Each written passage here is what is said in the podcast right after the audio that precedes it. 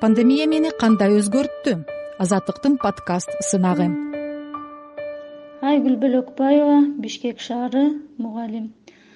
Дүйнө жүзүнө келген бул илдет ар бир адамды терең ойлондуруп өткөндү эске салып учурдун оор жүгүн көтөргөндөргө оору менен күрөшкөндөргө кайрымдуулук жасагандарга жүрөктү жылытты.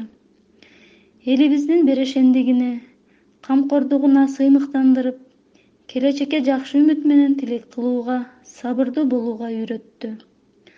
Карантиндин пайдасы үй бүлөбүз менен таң аткандан күн батканга чейин бирге болуп балаңызга бере турган эң чоң белек убакыт дегендей балдарыбызга көп убакыт бөлүп мээримибиз менен сугарып кучактап эркелетип боорубузга кысып жагымдуу сөздөрдү жаадырып туруу пандемия учурунда балдар үчүн эң кымбат салым болду го деп ойлойм.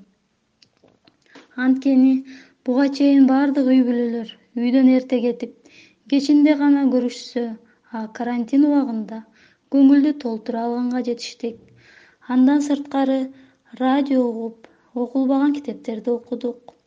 Ал эми терс жагынан алганда коомдон алыстай түштүк. Ошол себептен баалабаган нерселердин баркын билүүгө түшүнүүгө туура келди. Эмгек адамды жаратат деген сөз бар го анын сыңарындай эрте туруп жумушту көздөй жөнөө элден коркпой эки метр алыс баспай бетиңе бет капты такпай тыгылган транспортто эч кандай кооптонбостон коркпостон жанаша отуруп эмгектенүүгө барып келүү өзүнчө баалуу экендигин түшүнө түштүк. Ошондой эле жаратылыштын кучагында болуу үй бүлөдөн сырткары жакын санаалаштардын курбу курдаштардын туугандардын коллективдин жандуу баарлашуусу бетме бет сүйлөшүүсү жетишпей баркын сезип адам менен адам экенибизди адамга адам керектигин жүрөгүбүз менен туя билдик.